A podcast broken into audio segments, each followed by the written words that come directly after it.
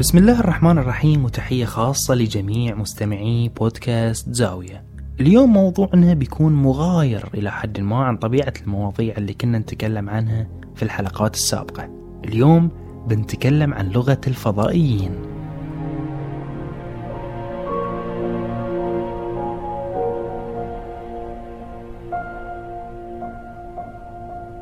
أعتقد أغلبنا قرأ أو يعرف على الأقل رواية 1984 حق جورج أورويل. في هالرواية عندنا شخصية محورية رئيسية اسمها وينستون. وينستون موظف يشتغل في وزارة الحقيقة ويشتغل بالتحديد في قسم تلفيق الأخبار المزيفة. الدولة اللي رسم هويتها جورج أورويل في روايته كانت تعتمد على نظام لغوي معين وهذا النظام اللغوي هو اللي كان يضمن استمرارية السلطة في سيطرتها على الجماهير. وهالنظام اللغوي كان يتشكل من طريقة تواصل معينة وكتابة معينة وطريقة حتى نطق معينة للألفاظ. هذا يعني أن إحنا أمام نظام لغوي شمولي.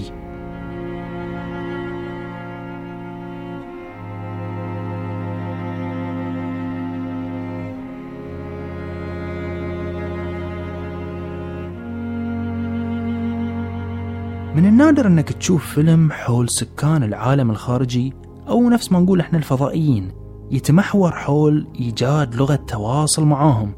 وهذا اللي نجح دينيس فيلانوف بتقديمه في فيلمه أرايفل واحد من أهم وأعظم الإنتاجات اللي صدرت في العقد الأخير. الفيلم يتكلم عن عالمة لسانيات وعالم فيزيائي ينتدبهم الجيش الأمريكي للتواصل مع الوافدين الفضائيين اللي هبطوا فجأة على كوكب الأرض وما حد عارف شنو هدفهم وشنو سبب زيارتهم. يبتدي الشغف يتطور عند لويز عالمة لسانيات بالفضائيين وتبتدي التعرض لمجموعة من الأحداث الغريبة ومع هالأحداث يتطور فهمها للغتهم وتوصل مفترق طرق مهم في أحداث الفيلم.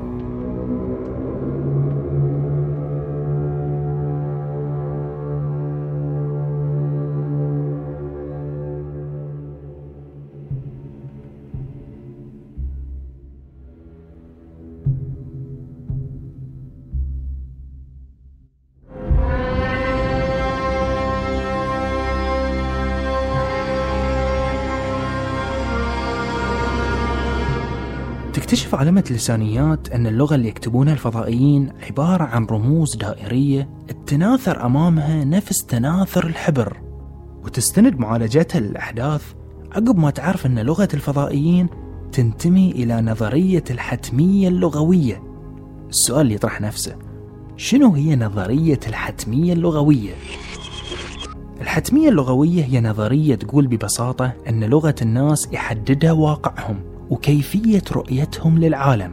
وبالرغم من أن هذه النظرية اليوم غير مقبولة في عالم اللسانيات ولكن الفيلم يستند عليها بشكل أساسي.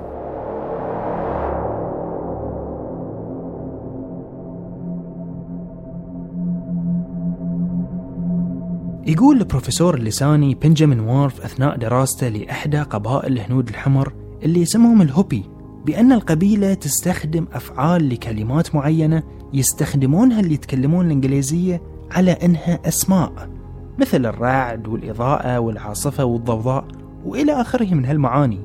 بمعنى أن هالقبيلة عشان تعبر عن هذه المصطلحات لازم تسوي إشارات معينة بجسدها عشان تدل عليها. خلاف مثلا اللغات العالمية اللي ترمز لها بمصطلحات لغوية منطوقة وهذا بالتأكيد راجع لطبيعة اللغات. ليش؟ لأنها تساعد على تشييء المعاني فهي بالنسبة لنا مفردات مكتوبة أو ذهنية ولكنها أبدا مو أفعال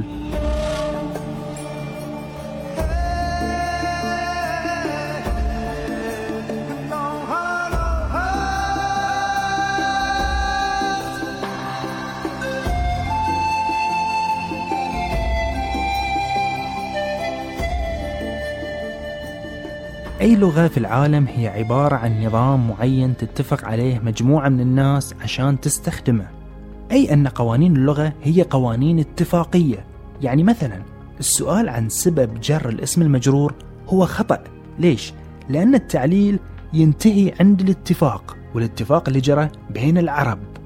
وبالمثل في الفيلم لويز نظرا لكونها عالمة لسانيات تحاول إيجاد أرضية مشتركة بين البشر والمخلوقات الفضائية ولأن هذه المخلوقات بعيدة عنها وما تشترك معانا بأي شيء فالتعامل معاهم في غاية من التعقيد. ولحد ما تتفق معاهم لويز على طريقة اتصال معين يبدأ الفيلم في التقدم وتبتدي الأحداث تتصاعد وتنكشف الكثير منها على نحو متسارع.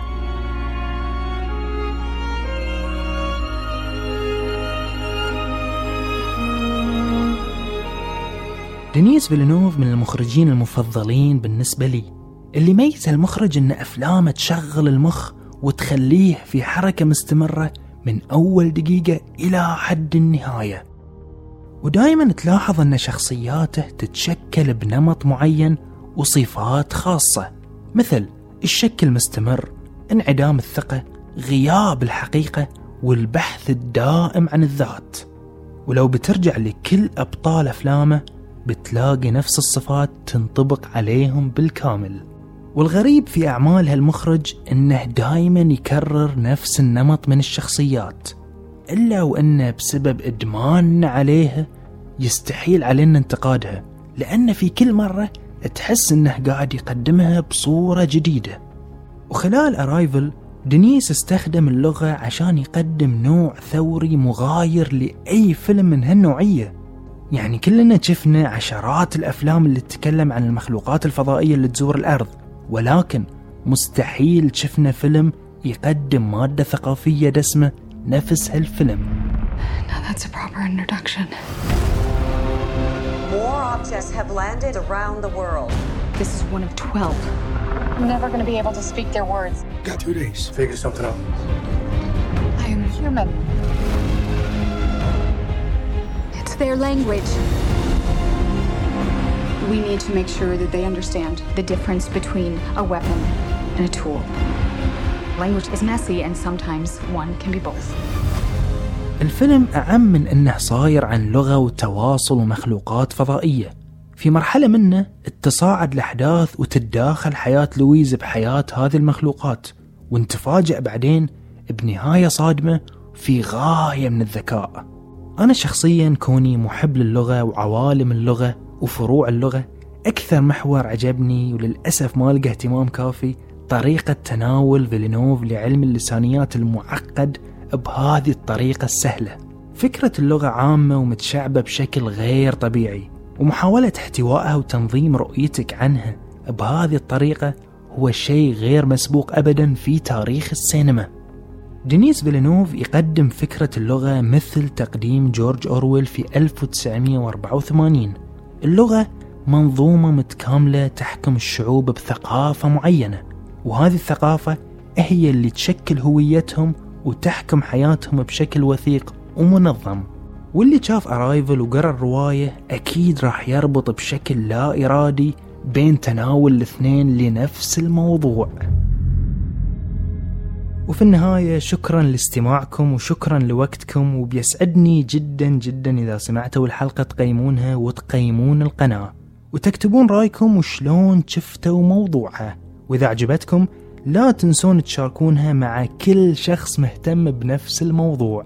وعشان ما نطول عليكم نقول وإلى حلقة قادمة بإذن الله. سلام.